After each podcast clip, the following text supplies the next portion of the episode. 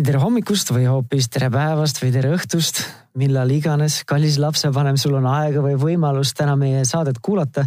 mina olen Tanel Jeppinen ja see on Pere ja Kodu podcast või veebiraadiosaade. ja täna on mul äh, külaliseks Gertrud Treumund. tere, Gertrud. tere, Tanel äh,. hästi vahva, et sa said aega, et siia tulla ja natukene konteksti või taustaks ja teema püstituseks ka kuulajale äh,. Gertrud on sünnitoetaja ja tuula huvi pärast küsin, kas see on sama asi või see on eri, eri, erinevad asjad. Tuula on sihuke ladinakeelne sõna ehk siis mm -hmm. rahvusvaheline nimetus sellele ametile, et eesti keeles on ta siis tuula ehk pere ja sünnitoetaja. okei okay,, peaaegu sünonüümid siis. Yeah.. sest mina Eestis seda tuula sõna ei olegi väga palju varem märganud. Mm.. Ähm, aga kuna ma ise olen ingliskeelses keskkonnas ja Ameerikas palju aega veetnud, siis seal on ta väga levinud nii-öelda roll ja amet kui ka siis see nii-öelda nimetus kõik nagu see on nagu kõik teavad, mis see tähendab ja mis sellega kaasneb ja mis see roll on. Äh, ja täna siis me räägiksimegi sellisest võib-olla natukene kitsamast äh, etapist või perioodist elus, siis see lapse ootus ja see sünnitus ja siis selle järgne. Äh, kas me räägime ainult neljandast trimestrist või tahad natukene pikemalt ka rääkida esimesest aastast mm,? vaatame, kuidas jõuame, ma arvan. okei okay., et räägime siis rohkem sellisest lühemast mõneaastalisest, pooleteist-aastalisest perioodist maksimum alates siis nii-öelda rasedusest. ja võib-olla alustuseks äh, saaksidki natukene siis valgust heita minule ja siis äh, kuulajatele, et anda ülevaadet, mida see sünnitoetaja endast kujutab. mida see roll või see inimene siis pakkuda saab ja millega abiks olla mm. -hmm mulle hästi meeldib, kuidas inglise keeles öeldakse selle kohta, et tuula on nagu birthing bestie ehk siis nagu sihuke sünnituse parim sõbranna et ta on sihuke hästi turvaline isik, kellega ideaalis võiks siis perel tekkida sihuke usalduslik side. ehk siis keegi, kelle poole saab alati pöörduda, mis iganes küsimusi nii emal kui ka isal ja kellel siis enamasti on päris palju vastuseid ja ta pakubki siis naisele kui ka mehele sihukest emotsionaalset, füüsilist kui ka informatiivset tuge, siis mitte ainult äh, enne sünnitust, vaid ka sünnituse järgselt ja, ja siis ta jah, töötab perega koos raseduse ajal, aitab äh, perel leida sihukest enesekindlust endas, aru saada, millist sünnitust äh, pere ootab, mis võivad olla takistused, kuidas neist mööduda. Ja sihuke enesekindluse süstimine on ehk põhiline ja üldse sihuke selgitamine, mis see füsioloogia on, kuidas beebi sünnib ja mida ta vajab ja mida naine selle jaoks vajab. Ning siis on sünnituse juures, toetab jällegist nii meest kui ka naist aitab äh, võib-olla just mehel jagada seda vastutust, et ta ei pea üksinda ainult seda naist seal toetama, vaid et on keegi tema kõrval ka.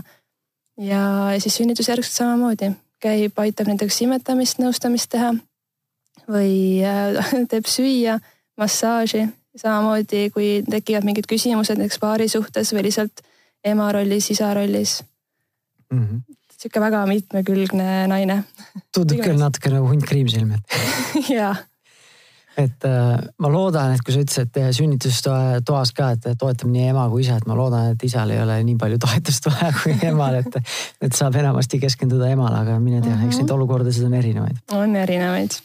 aga nendest, mis sa rääkisid ja kui ma olen äh, vaadanud seal kodulehe peal, mis on tuula.ee, et äh, mida siis nagu teenuseid nagu pakutakse, siis kui ma nüüd mõtlen tagasi, meil on kaks last, vanem on nelja-aastane juba, varsti saab neli pool ja et kui ma mõtlen tagasi, ütleme viis aastat tagasi, kui me ootasime oma esimest last, siis äh, no neli pool aastat tagasi, siis äh, ma ei tea, tundub ikka, ma oleks saanud päris palju, oleks saanud ise nii-öelda sellist nagu tuge, võib-olla ongi nagu sa ütled, seda enesekindlust, sest ma, ma, nii palju, kui ma mäletan sellest, siis see enesekindlus selline või see ärevuse äh, foon, et see oli päris selline kõrge. See ärevuse foon ja see enesekindlus madal nagu eriti alguses nagu. Lõpuks, kui juba olime sünnitusmajja minemas, siis oli nagu juba adrenaliin sees, et nagu tuleb, mis tuleb ja küll me hakkama saame, et siis nagu ei olnud enam aega pabistada. ja nüüd, kui ma praegusest vaatan, siis ma ei tea, see, et keegi tuleb mulle koju ja aitab süüa teha näiteks võtab mingeid kohustusi ära, mida võib-olla, mille peale mul endal ei ole võib-olla aega ja ressursse enam, et siis see tundub väga atraktiivne kui palju äh, kui palju näiteks seesama lihtsalt spetsiifiliselt, kui palju sa tegelikult kellelgi käisid süüa tegemas seal kodus siis? Äh, ma olen ise nüüd just hakanud seda fookust panema sünnitusjärgsele ajale, mitte et mhm. ma nüüd enne ei töötaks, aga, aga jah, et ma ikkagi käin ja teengi ja olengi niimoodi täitsa mitu tundi selle naisega, seon beebi endale linasse, et naine saaks lõpuks natuke ennast liigutada mm. -hmm. ja siis teengi süüa, mis iganes naisele meeldib ja mis jällegi on sihuke mis toetab just seda taastumist ja noh, imetamise ajal naine kaotab ju kõvasti kaloreid ja just on vaja sihukest korralikku toetavat sööki, mille jaoks enamasti siis just aega ju ei ole. kui sa oled kogu aeg beebiga ja mees läheb on ju tööle. ja jah, teen süüa. ja kui veel see söök tervislik on, ma mäletan ka, et enamasti on mingid megakiired asjad, mingi valmis toit lihtsalt viskad pannile sooja ja ahju mingi lasanje, mis saab valmis sul kahekümne minutiga ja täidab kõhtu küll, aga kui järjepidevalt teha, et kas on kõige tervislikum variant, et Äh, kui sa nüüd vaatad, see Tuula ja sünnitoetaja, äh, kas see on Eestis nagu võrdlemisi selline uus liikumine või tegelikult see on alati olemas olnud? Äh, ja lihtsalt varem ei ole teadnud, sest endal ei ole, ei ole olnud nagu asja selle kohta uurida, kui see ei ole last ootamas mm. -hmm. ta on alati olemas olnud, mitte ainult Eestis, vaid igal pool maailmas. ma arvan, et see on üks vanimaid ameteid samamoodi, sest naised on ju alati sünnitanud koos teiste naistega see on alati olnud ema, vanaema, tädid, mingid külatargad, see on alati olnud terve kari naisi selle ühe naise ümber teda toetamas. ja see noh, koopavaalingutelt. see on juba jah kogukonna nii-öelda elus, aga mõtle just, kui me nüüd haiglas enamasti traditsiooniliselt sünnitame haiglas mm., et kui levinud see tuula siis on olnud näiteks viimasel, on see populaarsus tõusnud viimase kümne aastaga või? ja ta järjest tõuseb ja ikkagi see ei ole enam nii võõras sõna ja just tänu ka igast ajakirjadele ja isegi mingid teleseriaalid ja noh, igal pool on see sisse tulnud. ja ikkagi see teadlikkus tõuseb ja, ja paljud naised ikkagi, isegi kui nad ise seda endale ei võta, siis ikkagi teavad, kes see Tuula on mm. -hmm. kes tavaliselt sinu poole pöördub, on need äh, siis tulevased emad, tulevased isad, keegi, keegi kolmas isik ma ei mäleta, et ükski isa oleks mu poole pöördunud, ikka nemad. sünnitusjärgselt üks isa kirjutas mulle ise, et ta tahab, et ta naisele tuleks keegi teeks massaaži. et see oli hästi armas, et naine ei pidanud sellega ise tegelema. aga rasedana on ikkagi naised pöördunud, jah. tundub ikka väga naistekeskne, sest ma olen täna siin nii-öelda outsideri rollis, et meesterahva, ma ise nagu tahtsin arvata, et ma olin nagu võrdlemisi osavõtlik, siis tulevane isa, et mina enamasti registreerisin meid sinna perekooli loengutesse. aa, no see on juba suur asi ja kui me, meil oli see nii-öelda ämmaemand eraldi palgatud, kes oleks meil seal sünnitustoas, mida lõpuks ei, nagu see ei, ei läinud käiku, sest meil see sünnitusprotsess arenes nii kiiresti, et ta ei jõudnud kohale õigel ajal. aga selle, see initsiatiiv tuli ka minu poole pealt, sest mul endal äh,, võib-olla ma ei ole päris keskmine isa ka, et ma olen ise, mul on see väga oluline elusamm on olnud ja juba enne kui ma isaks sain, hakkasin uurima podcast'e kuulama, kursuseid võtma ja ja mul on üks isiklik tuttav USA-s ka, kes on ise meesterahvas ja on Tuula, kellest me eetriväliselt korraks rääkisime mm. -hmm. et siis mul oli jah, et mingi selline kont-, mingi selline kontekst nagu asjal olemas, et eh, meesterahvana, et eh, kui ma küsin abi, et keegi tuleks, aitaks meil sünnituseks valmistuda äh,. nii väga noh, see ämmaemand ei aita nagu sünnitusjärgseks perioodiks valmistuda, vähemalt ma ei mäleta enam. võib-olla see läks lihtsalt meelest ära, nii et mm. -hmm eks see ämmemand on ka ikkagi noh, see ämmemand ja see tuula vahe ongi see, et tuulana ma kohtun peredega juba ammu ju ja raseduse jooksul ikkagist mitu-mitu korda mm. -hmm. ja ma õpingi neid tundma täpselt, et mis on nende hirmud, mis on nende soovid, ootused, vajadused, unistused. ja, ja noh, tänu sellele ma nii-öelda saangi neile pakkuda täisväärtuslikku toetust, just sellist, nagu nemad vajavad, aga ämmaemandatega isegi kui on eraämmaemand, siis ikkagi kohtutakse üldiselt korra-kaks ja võib-olla arutatakse mm -hmm. läbi jah, sünnitusplaan, paar asja aga noh, ta ei lähe nii sügavuti ja sünnitusjärgselt ka noh, nagu ikkagist katkeb see suhe päris kiiresti mm. -hmm no see on mingil määral loomulik ka, et kui juba see laps on seal, esimene laps ka veel, sa oled lapsega koju jõudnud ja siis järsku läheb nagu, pead nagu hoobilt hakkama žongleerima mingi viie palliga, kui sa varem ei ole kahe palliga žongleerinud nagu. et siis nagu, kui ette ei ole mingeid asju kokku lepitud, siis nii palju, kui mina mäletan, et siis neid uusi mõtteid ja uusi mingeid sisendeid võtta, et siis oli väga keeruline esimestel, ma ei tea, nädalatel, võib-olla isegi esimestel kuudel mm. -hmm. aga mis on sellised levinumad põhjused või levinumad äh, sellised motivatsioonid, miks keegi otsib üldse sünnito-, sünnitustoetajalt abi? Äh, enamasti on kaks varianti, et üks variant on see, kui naine ootab juba mitmendat last ja ta juba on saanud halva kogemuse ja seekord on teadlikum ja tunneb, et, et noh, et see ikkagi ei ole niisama, et lähen ja sünnitan, ta tahab kohe valmistuda just sünnitoetajaga.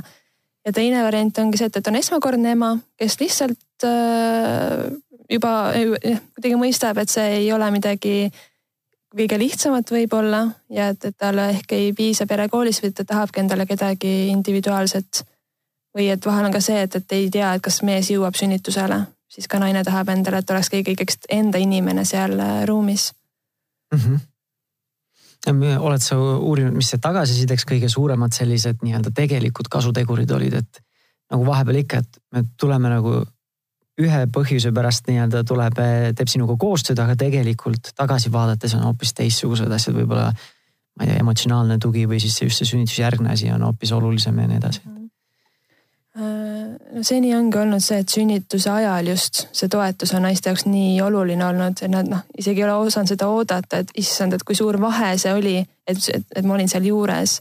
et justkui on sihuke nagu natuke keerulisem sünnitus olnud, kus ehk kestab ka kaua, eks vahepeal tahab mees ka võib-olla ära käia või süüa või noh ennast tuulutada, et jällegi värskema mõistusega tagasi tulla. ja siis naine üksinda jääks, et just, et keegi, kes ütleb, et mis parasjagu toimub, et see on okei okay,, et see saab läbi üks hetk sest et kui naine kardab, mees kardab, ämmemand on ka, noh, ta ei saa kogu aeg naise kõrval lihtsalt paratamatult olla, siis äh, see hirm seal äh, ruumis võib päris suur olla. eks jah, põhiline on see, et, et vau, hea sa seal olid ja tõid meid maa peale tagasi, et see on mööduv ja sihuke just rahustamine.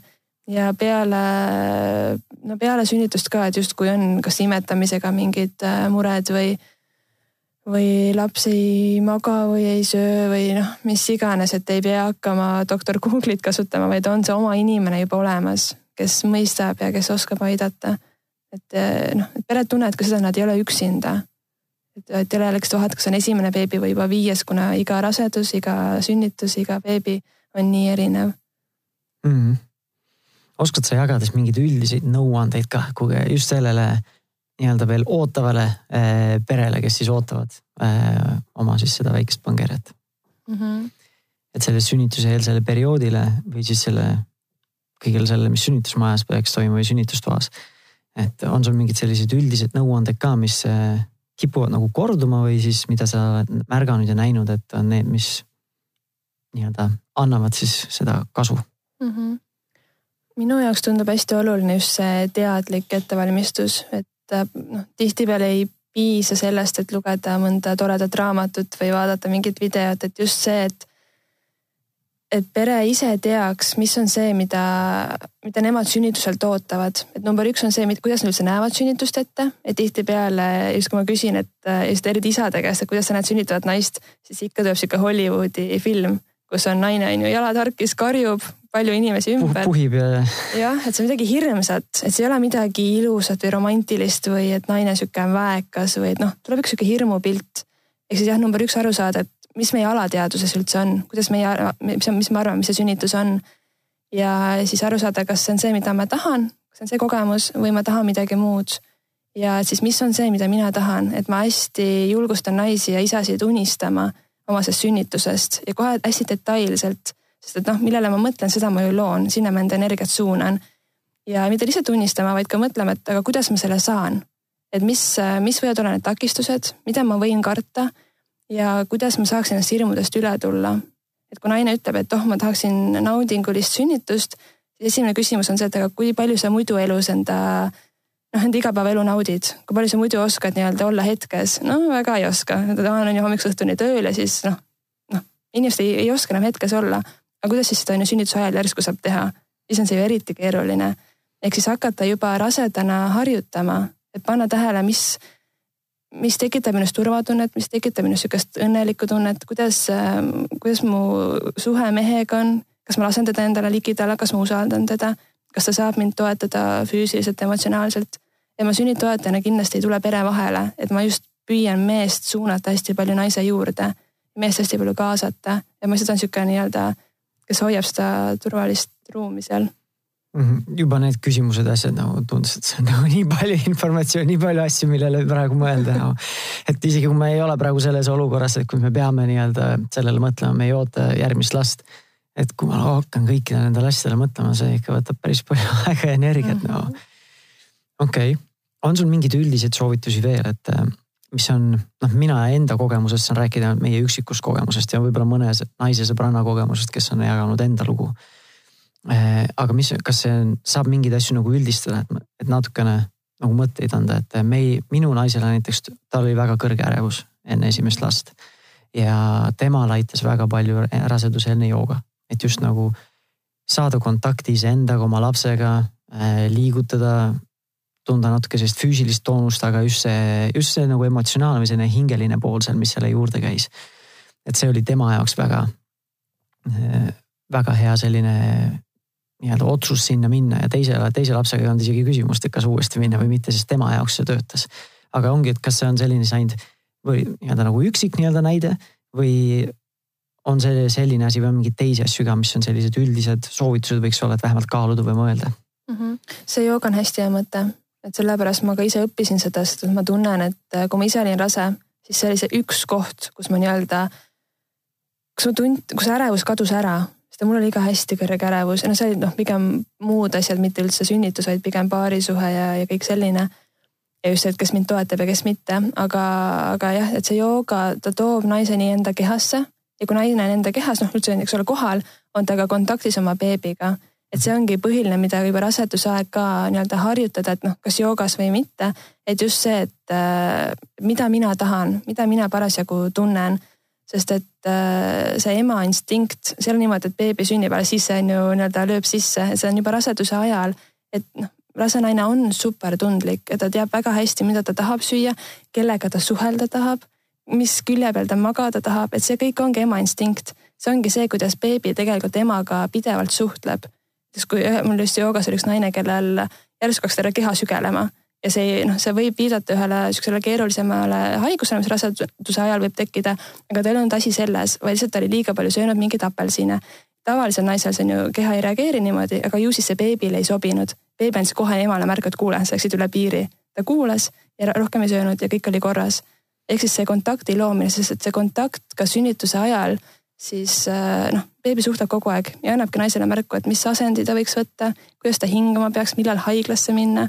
et see on niisugune nähtamatu suhtlus, aga mis on seal ja ka sünnitusjärgselt, et jällegi, et see fookus tuua igalt poolt mujalt ikkagi enda peale ja mida mina vajan, mida minu beebi vajab, et see eneseusaldus äh, kasvaks. et kes on see autoriteet, et kui see ei ole naine ise, siis miks see ei võiks olla tema, miks see ei ole tema mm? -hmm. no seal on jälle selline, sa pead ise ikkagi olema väga teadvel enda iseendast, et äh, ma ei tea, kas siis harjutama seda või siis äh, võtma aega, et kuulata nagu, mis, mis need signaalid on, sest noh, võib-olla naistel on rohkem seda tunnet, aga kui ma nagu mõtlen, et mingi hakkab sügelema, siis ma küll ei tea, et kas ma nüüd sõin rohkem apelsini kui tavaliselt, et nagu lihtsalt sügad ja kogu lugu nagu lähed mhm. edasi nagu. et eh, leida nagu see õige põhjus ja et see meesterahvale ja kõrvalt kuulajana see tundub vahepeal nagu hookus-pookus, noh et lihtsalt kuula mingit ürgset, mingit, eh, ma ei tea, eh, väge või siis nii-öelda kuula, mis su laps sulle öelda proovib ja nii edasi, et et kõrvalt vaatan, see tundub meesterahvale vähemalt, tundub vahepeal selline väga hookus-pookus mm, -hmm. aga mu enda naine nagu, tema nagu elab, elas selles samas meelsuses, käis seal joogas ja siis meil esimese lapsega, tegelikult meil mõlema lapsega, mõlema lapsega oli, ma ei mäleta, mitu nädalat enne sünni, enne tähtaega oli tuharseis. Ja siis enne pandi nii-öelda kokku, kokkulepe, et kuna me pidime seda füüsilist seda ümberpööramisse või no mis iganes selle nimi, nimetus no, oli. keeramine. ja, ja et siis äh, nädal aega olime enne kodus ja siis naine tegi mingeid harjutusi ja siis nagu ongi masseeris oma kõhtu ja paitas ja siis rääkis oma lapsega ja siis, kui me läksime kohale, siis oligi laps ümber keeranud et, et see ongi see koht, et kas see nüüd oli kokkusattumus on see hookus-pookus või midagi tegelikult mingid protsessid töötavad, et. Et mul mingi selline kerge skepsi, skepsis jääb ikkagi sisse, aga kui naine nagu naisele töötab see, siis äh, ma nagu olen ise läbi selle kahe nii-öelda raseduse sünnituse nüüd Äh, õppinud vähemalt usaldama, et siis see, mis naine teeb, või juba esimesega õppisin, et mis naine teeb, mis tema ütleb, et ju siis see on nagu õige. just, just. see, et ta ise, et ta juba ise tunneb ennast enesekindlana, et, et isegi kui see võib-olla sada protsenti nagu ei tööta niimoodi, aga kui tema tunneb enesekindlana ja tunneb ennast hästi ja kui ta usub neid asju ja teeb neid asju, et siis ja see aitab talle ette valmistada vaimselt või hingeliselt nendele asjadele, siis kes olen mina, et seda siis keelata või sellele vahele segada mm. -hmm. tegelikult teaduslikult seda selgitab ka see, et hetkel me sinuga kasutame enda ajukoort. see on mm -hmm. see, kus on tuleb see ratsionaalne mõtlemine ja noh, kõik, kõik see, eks ole, mis teeb loomast, on ju inimese. aga kui naine on rase, siis ajukoore ja aju vahel hakkab tekkima sihuke hall ollus. ehk siis need äh, see side siis nii-öelda hakkab ära kaduma, mistõttu rase naine ongi sihuke natuke peapilvedes ja sihuke hästi unustab kõike. rohkem ja... intuitiivne või? just, sest et kui ajukoor lülitub välja, siis lülitub sisse tema ürgaju, see roomaja aju kus ta saabki, kõik ongi need instinktid. ehk siis see ongi see, kus ta lihtsalt, ta teab, lihtsalt nii on ja tal on sihuke sisetunne ja see on, noh, see on tõsi. et see naine, rase naine on super tundlik ja super teadlik tegelikult. aga jällegi, kui me toetame seda, kui me on ju rääginud, ah, mis lolli juttu sa ajad või, või et ikka loe neid raamatuid või noh, nagu viime naiste enda keskmest ära, siis ta tunnebki ennast ebakindlana siis ta ei julgegi ka sünnitada ja noh, loodab kõikide teiste peale, mis mingis hetkes on okei okay,, aga jällegi, et ta ei annaks seda vastutust ära. ilmselt see seal sünnitustoas see abitu sünnitaja ilmselt ei ole kõige parem noh. väga mitte.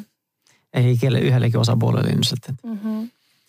Ähm, aga räägime natukene sellest äh, sünnitusjärgsest perioodist ka, et nagu kutsutakse seda esimest kolme kuud nii-öelda neljandaks trimestriks, et see on see aeg, kus Äh, laps veel nii-öelda, no see ema ja lapse vaheline suhe ja see kontakt ja side ja kõik need muud asjad ja lapse areng ja nii edasi, et. miks see, miks see neljas trimester, et on eraldi juba talle see nimetus antud, et miks see esimesed kolm kuud siis nii-öelda päris nii-öelda ema üsast väljas, et miks need siis nii tähtsad on? see on tähtis nii emale, beebile kui ka tegelikult isale, sest et äh, inimlaps sünnib hästi enneaegsena võrreldes muu loodusega, eks ole, kuna noh, meie vaeg on väike ja siis meie on ju ei jaksaks rohkem kanda. ja see tähendabki seda, et ta ei noh, ta on nii abitu, see beebi. Ja tänu sellele siis ema peab ju kogu oma fookuse panema sellele beebile. Ja see neljas trimester siis tähendabki seda, et et nii-öelda pakkuda sellele beebile võimalikult sarnast keskkonda, nagu tal oli ema üsas ehk siis, kus tal oli alati soe, ta oli alati kellegi kaisus, tal ei olnud mitte kunagi näljatunnet, mitte kunagi ei olnud külm, ei olnud valjusid helisid, ta polnud üksinda. noh, ta oli kogu aeg hoitud ja, ja seda ta vajab ka peale sündi.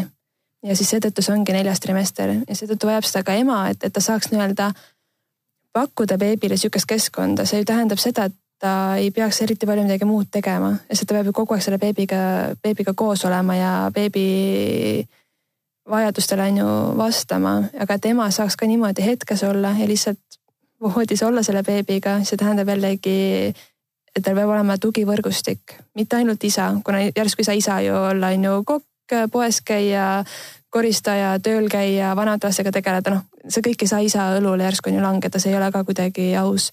aga et juba raseduse ajal siis tekitada oma see tugivõrgustik, et kui naine ja mees saavad omavahel kokku vähemalt kümme inimest, iga inimene teeb ühe asja ühe korra, kes on ühe korra toob süüa, kes ühe korra koristab, kes ühe korra viib vanema lapse kooli, lasteaeda, noh, mis iganes. siis tegelikult ongi see naine, beebi ja isa väga hoitud. ja ongi see neljas trimester, kus siis ema saab kohaneda. sest noh, ma küll ütlesin, et see ema instinkt hakkab, on ju juba rasedana tööle, aga ikkagi ikkagi ma iga päev õpin uuesti, kuidas olla, eks ole, ema, et ei ole vahet, kas mu laps on, on ju viiekuune või kolmeaastane, ma pean kogu aeg uuesti õppima ja seda on väga raske õppida, jällegi kuulata oma seda sisetunnet, oma neid instinkte, aru saada oma beebist, kes ei räägi, nendega ei tule on ju kaasa õpetust.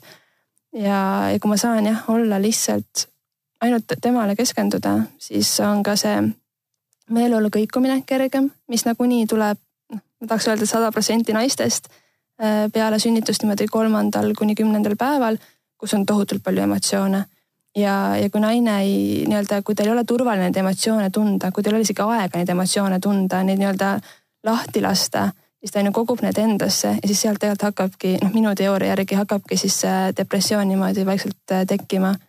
ja, ja noh, seetõttu ongi vaja seda aega, et lihtsalt olla ja kui sa rääkisid juba ennem seda, et äh, nii-öelda see ürgne nii-öelda ajuinstinktid ja kõik see, et tegelikult sisimas tead nagu, mis on õige ja mis peaks tegema ja nii edasi, et et see kõik tundub äh, selline nagu selles mõttes nagu tõene ja, ja ilus ja selline ongi nagu ürgne, selline nagu ehe, aga et see, ma näen, et see võikski olla nii-öelda tõenäoline, kui siis saadki nii-öelda nagu, et sul on muud vajadused täidetud, et sa saadki ainult sellele keskenduda, aga kui sul on veel mingi krooniline unepuudus tekib sinna vahepeale, siis on see, et see laps võib-olla äh, käitub millegipärast natukene karakterist välja, sest ta võib-olla nutab ja siis sa ei oska sellega teha, selle asemel, et siis iseendasse vaadata. sul tuleb sealt sada kümme muud sisendit igalt poolt mujalt, sa hakkad iseendas kahtlema, sa oled veel magamata ja siis on süütenöör on hästi lühike, oled hästi kannatamatu ja nii edasi, et.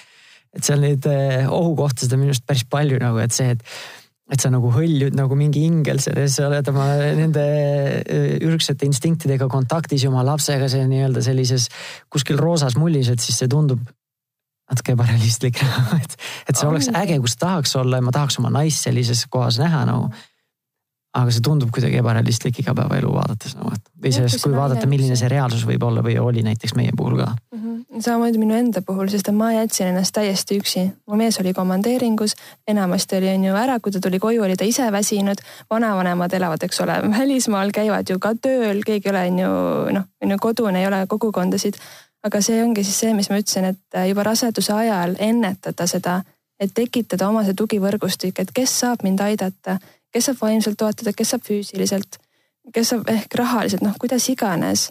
et äh, see ei ole ju loomulik, mis tänapäeval toimub, et see mees ja see naine saavad kahekesi selle lapse oma nelja seina vahel, et alati on olnud ju kogukonnad või ongi siis noh, suguvõsad on koos elanud või noh, mis iganes. et see ütlus, et on vaja tervet küla, et kasvatada last, see ei tule õhust.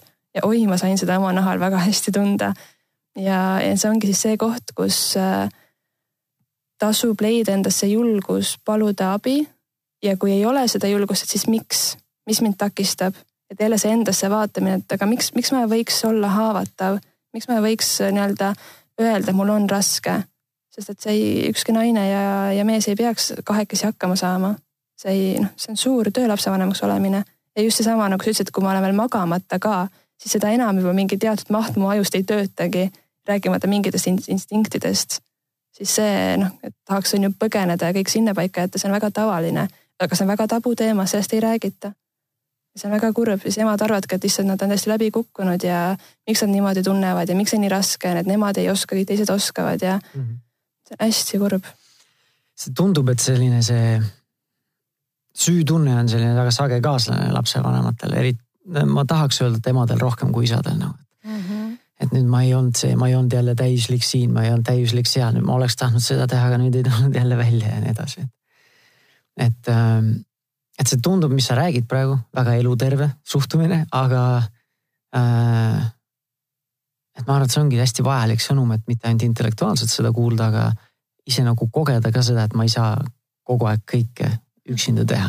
et see ongi täiesti okei okay.. et minu naine koges mõlema sünnitusjärgselt eh, depressiooni või depressiooni ilminguid, ta ei olnud psühhiaatri poolt kummalgi korral eh, diagnoositud, aga väga tugevad nii-öelda ilmingud. ja noh, temal oligi see, et nagu, et noh, peab ju üksi hakkama saama. ikka üksinda nagu, et mina olen ju ema ja nii edasi, noh, mina olingi tööl said oma kümme päeva, kaks nädalat äh, said puhkust ja siis äh, lähed tööle tagasi ja, ja kogu lugu noh. no täpselt ja noh, ma hästi praegust keskendungi sellele noh, isegi nagu mitte nii väga terve see neljas trimester, aga just need esimesed nelikümmend päeva.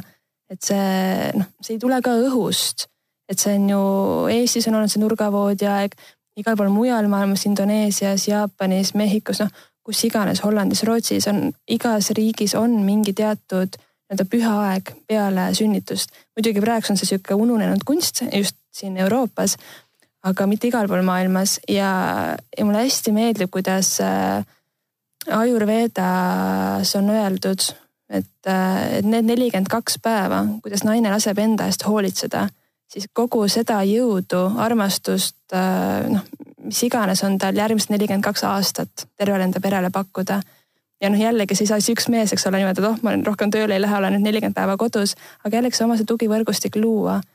ja, ja samas ka aru saada, et mis on minu ootused iseendale, kas need on realistlikud, kas ma suudan jällegi olla hetkes, võtta päev korraga ja, ja mis on mu ootused beebile, mis on mu ootused oma mehele.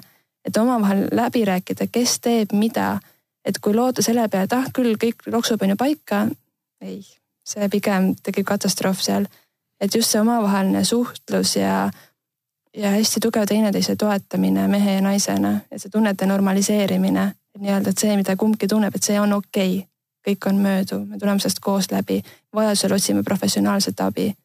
see on hästi oluline mm. -hmm.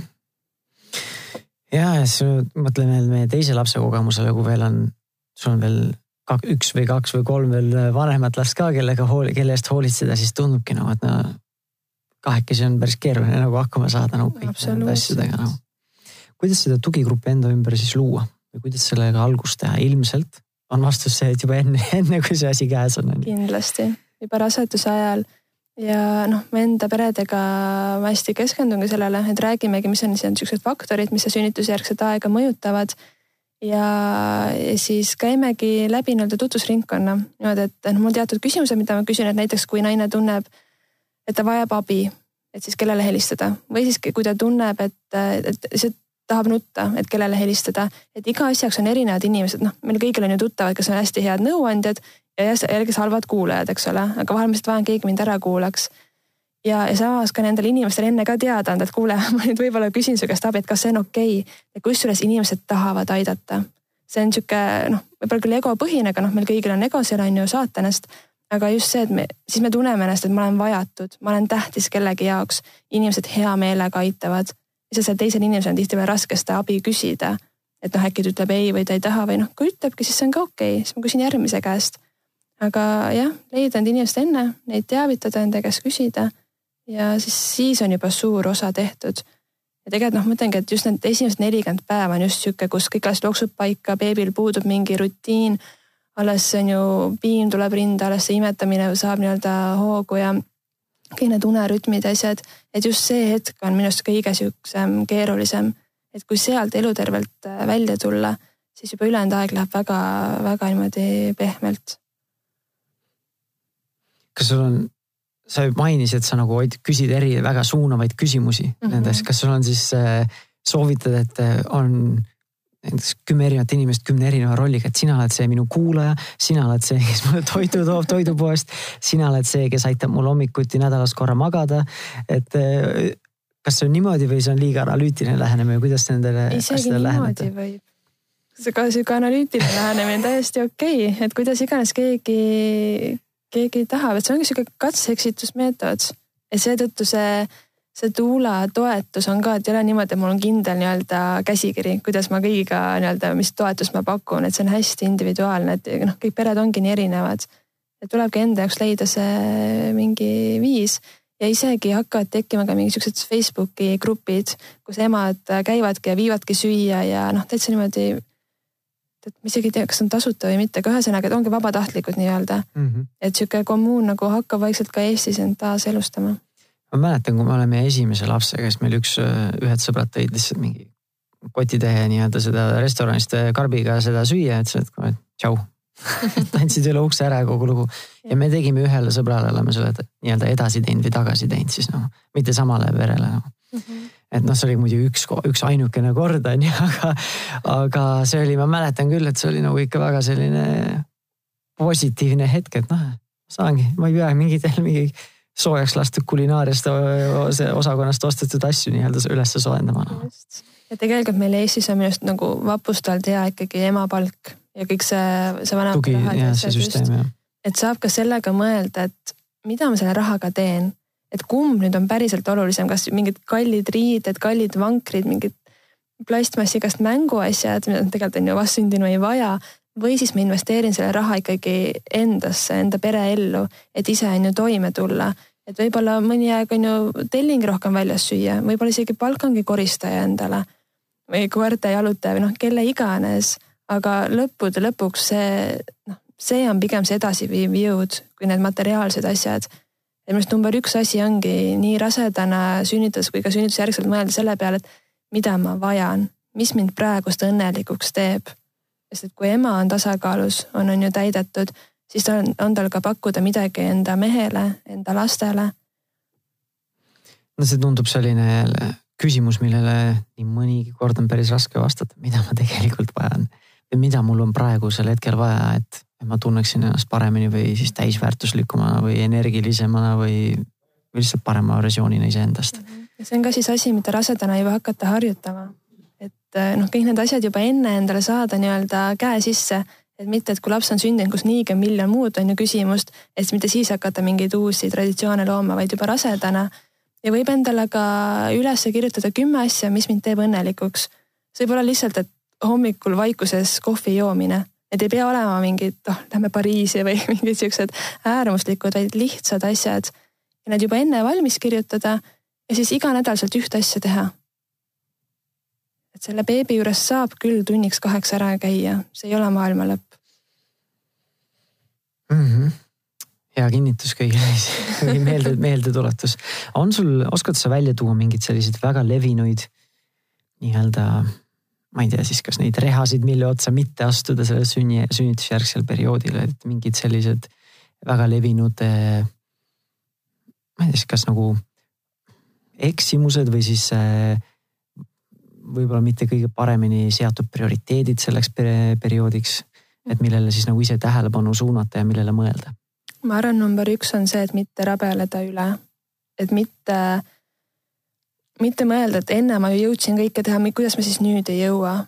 et ei peagi ju, et see, et äh, sa oled just lapse sünnitanud ja nüüd sa pead oma iga ihurakuga aru saama, mida ta vajab enda kehaga talle toitu valmistama, öösiti ka kahe tunni tagant võib-olla üles ärkama. juba see on suur töö, see on kakskümmend neli seitse töö, et selle kõrvalt ei pea jõudma midagi muud äh, teha. ja et see on jah sihuke põhiline asi, et äh, ei taheta nii-öelda lasta minna sellel endisel minal, et sellel, kes ma olin, on ju võib-olla noh, ideaalne kokk, ideaalne koristaja, super tööl käija, et see, seda ei ole vaja. nüüd ma olen ema, ma keskendun sellele ja hiljem elu läheb edasi. ja, ja kindlasti ka see, et, et mis need mu ootused on, no mis ma juba enne korraks mainisin, et neid mitte seada väga kõrgeks, et ma arvan, et see on minu enda kõige suurem viga, et mul on tohutult kõrged ootused endale, kas kõike teha õigesti ja, ja samas, eks ole, ise ma, ma tunnen, et see ei ole õige ja ma, see tekitab minus just stressi, kus tekibki see süütunne. et ma, ma mitte ei anna mitte iseenda parimat, vaid kellegi teise parimat ja sealt ju noh, tulevad siuksed väga rasked, rasked tunded mm. -hmm. päev korraga. see ilmselt see mustvalge suhtumine üldse, et kui ma nüüd niimoodi ei tee, siis kõik ülejäänud on vale sedamoodi ei saanud teha, siis järelikult on valesti, olen läbi kukkunud ja olen põrunud ja noh, juba võib käega lüüa ka, mhm. kanda ennast maha ja keda iganes teist, et. ja hästi okay., hästi tüüpiline on ka see, et see järjekord läheb hästi sassi. et äh, beebi tuleb esimesele kohale partner teisele ja kolmandal kohal ehk olen mina või seal võivad olla veel mm. mingid, ma ei tea, teised lapsed või koduloomad. ja üldse kodu koristamine, kod, korras kodu võib-olla on seal kuskil vahel veel ja. aga noh, et seal tuleb ka vaadata, miks see on nii oluline ja miks see väline kuidagi, miks see, miks see tundub mu jaoks praegu nii tähtis, et mu kodu oleks korras ja kuidas see mind peegeldab. Et jällegist noh, need äh, sügavamale vaatamised, mida me ka juba noh, raseduse ajal üritame teha, et just jah, see küsimustega sihuke suunamine. aga et jah, mina olen number üks et see beebi ei saa olla esimesel kohal, mida ta pahatihti satub sinna. noh, nad on ka on ju, teevad kõva häält ja võtavad palju energiat. väga abituna, abitu jah. ja, aga noh, beebi, ma ütlen, beebi ei vaja neid asju, ta, ta tõesti vajab, et ema ise oleks õnnelik ja ka isa. et see just, et see paarisuhe toimiks ja siis on lapsed õnnelikud sest ma näen hästi palju seda, kus tegelikult beebil on kõht täis, tal on mähkmed on puhtad, tal on kõik on korras, aga ta ainult nutab ainult seetõttu, et ema on nii ärev et niipea kui ema saab välja rääkida, mida ta päriselt tunneb, saab võib-olla välja nutta, saab olla turvalises keskkonnas, beebi rahuneb kohe maha. et noh, nad on ikka nii tugevad peeglid meile endale. me oleme päris palju rääkinud sellest nagu, kuidas siis üldiselt nii-öelda ennast ette valmistada äh,. kuidas natuke sellest ka, kuidas ema toetada, aga räägime millestki, mida siis väga-väga ma ei ole näinud või kuulnud, et väga palju räägitakse, et kuidas siis seda värsket isa siis nagu toetada või ma ei teagi, kas seda nüüd kohustust saab panna, ilmselt ei saa ka nagu ema õlule panna. pigem on selline nagu dünaamika, et lihtsalt vaadata teineteise järele, kas kõik on okei okay,, on ju. Mhm. aga kuidas siis seda värsket isa toetada või mis seal on sellised levinumad, äh, ma ei tea, sellised, kas eksimused või? ma arvan, et seal on see, et kui naine on, see hakkab juba raseduse ajal, et kui naine on rase, siis ta jääb hästi üksinda, kuna noh, mees peab ju ikka tööl edasi käima ja mulle tundub, et noh, see on jällegi meeste sihuke ürgne instinkt, et kui sünnib laps, siis ma pean ju rohkem raha teenima, ma pean just ekstra nii-öelda seda koobast turvama, et kõik oleks korras ja hästi. ja selle, läbi selle ta just kaugeneb naisest, kuigi naine just rasedana eriti vajab seda lähedust. isegi, isegi rohkem füüsilist puudutust ja, ja seda tähelepanu ja et see on number üks viga, mida, mida ma näen, et mehed just kaugenevad ja noh, meeste jaoks tundub ka sihuke võõras, noh, et sina oled ju rase, mis ma siin teha saan, ma ju ei tunne beebi liigutusi ja aga no mees saab nii palju teha, sest naine hästi vajab seda turvatunnet ja noh, sünnitoetajana ka, et isegi kui ma olen sünnituse juures, siis minu roll ja mehe roll on täiesti erinevad. et just mees on see, kus naine saab selle turvatunde, mis on kõige olulisem üldse. Ja et kui juba raseduse ajal on see mees sellesse protsessi kaasatud, mitte ainult naine ei saa emaks, vaid ka mees saab ju isaks ka juba on ju raseduse jooksul see protsess on ju käib ja jah, et kui ta on juba raseduse jooksul on kaasatud ja on ka sünnituse juures kaasas, siis see kontakt selle beebiga, selle naisega on hoopis tugevam. ja läbi selle ka sünnitusjärgselt ta mõistab oma naist palju paremini. nad on juba enne rääkinud, mis on selle naise hirmud, mis on tema ootused, unistused ja, ja naine võib-olla kuulnud ka, mis on mehe hirmud. see ainult naisel ei ole hirmus, mehel on ju samamoodi, eriti sünnitusel, kui ongi raske sünnitusel, kui ta näeb oma abitut naist tohutult raske on see meestele, tahaks nagu midagi teha, aga ei oska. ja et see sünnitusjärgne depressioon ei ole ainult naistel, see on meestel samamoodi. ja jah, et hästi palju kaasata ja saadagi aru, et koos ollakse selles protsessis, mitte naine üksinda või ma tahtsin korraks sulle vahele segada, et ma küsisin, kuidas meest toetada, mitte kuidas mees saaks veel rohkem naist toetada, aga, aga nagu selle vastuse käigus mul endal hakkasid juba mingid ühendused tekkima, et eks see et see on nagu ma arvan, et üks suur osa mehe ärevusest ka, et ta tunnebki, et ta on kõrvaline mm. -hmm. et kui ta näeb, et ta on selles äh, nii-öelda üks mosaiigitükk või ta on sinna protsessi kaasatud, et see, ma arvan, et aitab palju seda ärevust äh, taandada küll, noh vähemalt mulle aitas mm. -hmm. just, ja seda ma mõtlesingi, et ikkagi, et nad on koos selles protsessis ja noh, ongi see, see suhtlemine omavahel, eriti sünnitusjärgselt, et sünnitusjärgselt eriti mehed tihtipeale tunnevad ennast kõrvale jäetuna mm. -hmm ja naised tunnevad ennast ka üksikuna, naine on üksinda selle beebiga kodus, mees on on ju tööl, ei tea, mis kodus toimub. mõlemad on nagu eraldi. oma üksikul saarel nagu, üks Täpselt. tööga, teine lapsega. täpselt ja, ja noh, jällegi, kui sellest on ju ei räägi, siis saab olukord ainult süveneb.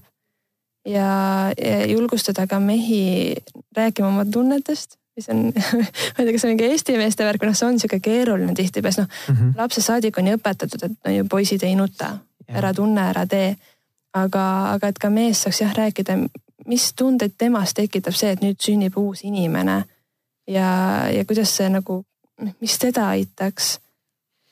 see eesmärk, nii palju kui ma ise mäletan, et see ei olegi see, et nüüd, et sa pead sajaprotsendiliselt teadma, mida sa tunned või millised on su hirmud või ärevused, aga ongi, et lihtsalt oleks avatud dialoog, me saame lihtsalt arutada ja jagada oma mõtteid, et see ei ole see, et sa pead olema kindla vastuse andma, kui keegi küsib, kuidas sina tunned siis selles yeah.. mis mõtted või mis ärevused või mis hirmud või mis emotsioonid sul on selle lapse tundega, lapse tulemisega, siis nagu ei oskagi nagu vastata, sest keegi nagu ma ise tunnen, ma tahaks anda nüüd lõpliku vastuse sulle, aga see on väga selline liikuv ja väga voolav selline olukord no.. aga läbi selle mees hakkab üldse mõtlemagi, et aa, mina ka või, et kas mm -hmm. ma, ma võin ka karta või. Et juba see tegelikult tekitab nii sihukese vaba tunde, et ahah, kedagi huvitab ja mul võivad olla ka tunded. Ja siis noh, ma ütleks, seal ei olegi vaja seda vastust, vaid et see teadmine, et ma olen kuulatud. Mm. väga selline tee, selline teema, millest ilmselt võiksime veel jätkatagi rääkimist, aga meil hakkab praegu aeg otsa saama, et äh, tahad sa siin ühe-kahe lausega veel lõpus midagi kokku võtta või rõhutada midagi, mis sa juba oled maininud ja siis äh, äkki saad siis anda mingid ressursid või suuna ka, kui keegi tahab ise uurida selle teemade kohta, kus nad leiavad seda sellist äh, tuulat või sünnitoetajat mm. -hmm ma arvan, see põhiline sõnum ehk ongi see, et nii mehel kui ka naisel lihtsalt mitte jätta ennast üksinda ja ikkagi noh, päriselt kohal olla, et aru saada, mida ma tunnen, sest et seda siis mõista alles sünnituse hetkel või sünnitusjärgselt, et oot-oot-oot, aga mida ma vajan või mida ma päriselt tunnen, no siis on natuke juba hilja, noh, on lihtsalt raske. parem hilja kui mitte kunagi, aga mm. -hmm veel parem oleks enne seda teha. veel parem oleks juba enne, et jah, et just põhiline ongi see ennetus. ja jah, et see koostöö, et ikkagi koos saadakse vanemateks hästi palju koos igal pool, kasvõi noh, perekooli loengutes käia, ma mäletan endal ka, mul ei olnud mul ei olnud oluline see perekooli loeng, aga mul oli oluline see, et mees tuleb minuga kaasa, et tema saab ka midagi teha, siis mul oli hea olla, kuigi noh, see info ei olnud üldse nagu mm. midagi uut seal, aga me saime koos teha. ja ja kus saab uurida, noh nagu sa juba ütlesid, on see tuula.ee, kus on siis äh, lihtsalt Eesti kõik tuulad. ja mu enda kodulehekülg on imelineotus.ee ja seal mul noh, on ka sihuke blogi osa, kus ma samamoodi jagan enda mõtteid ja maailmavaateid ja mis ka kindlasti muutuvad pidevalt, ma ju ka kasvan. aga noh, ma arvan, seal, sealt juba saab tegelikult päris palju vastuseid või et me, seal on näha, kuidas ma töötan ja mis millele võiks nagu fookust panna hästi vahva suur-suur aitäh sulle, Gertrud, et sa tulid täna siia mm -hmm. ja oma mõtteid jagama. ma juba selle vestluse käigus, ma isegi kui me ei oota praegu last, ma ise tunnen ennast toetatuna ja et ma, mind on kuulatud ja nii edasi. see on hea kuulda. et eh, suur aitäh sulle ja ma loodan, et kuulajal oli ka eh, vähemalt pakkus mõtteainet. kui on uus beebi tulemas või planeerite, et siis saate vähemalt eh,, saite mõtteainet, mille üle mõelda, küsimusi, millele vaja omavahel eh,, mille, mille üle siis arutleda ja iga, iga laupäeval tuleb meil uus podcast'i saade välja, kui sa vahepeal tahad veel rohkem infot saada, siis äh, vaata kindlasti ka Pere ja Kodu Facebooki lehte ja Delfi veebiväljaannet. ja tänase teema suhtes siis vaadake see tuula.ee ja imeline-ootus.ee mm. -hmm. ja kui sa minuga tahad kahepoolselt suhelda, siis minu sa leiad Facebooki grupist Positiivne ja rahumeelne vanemlus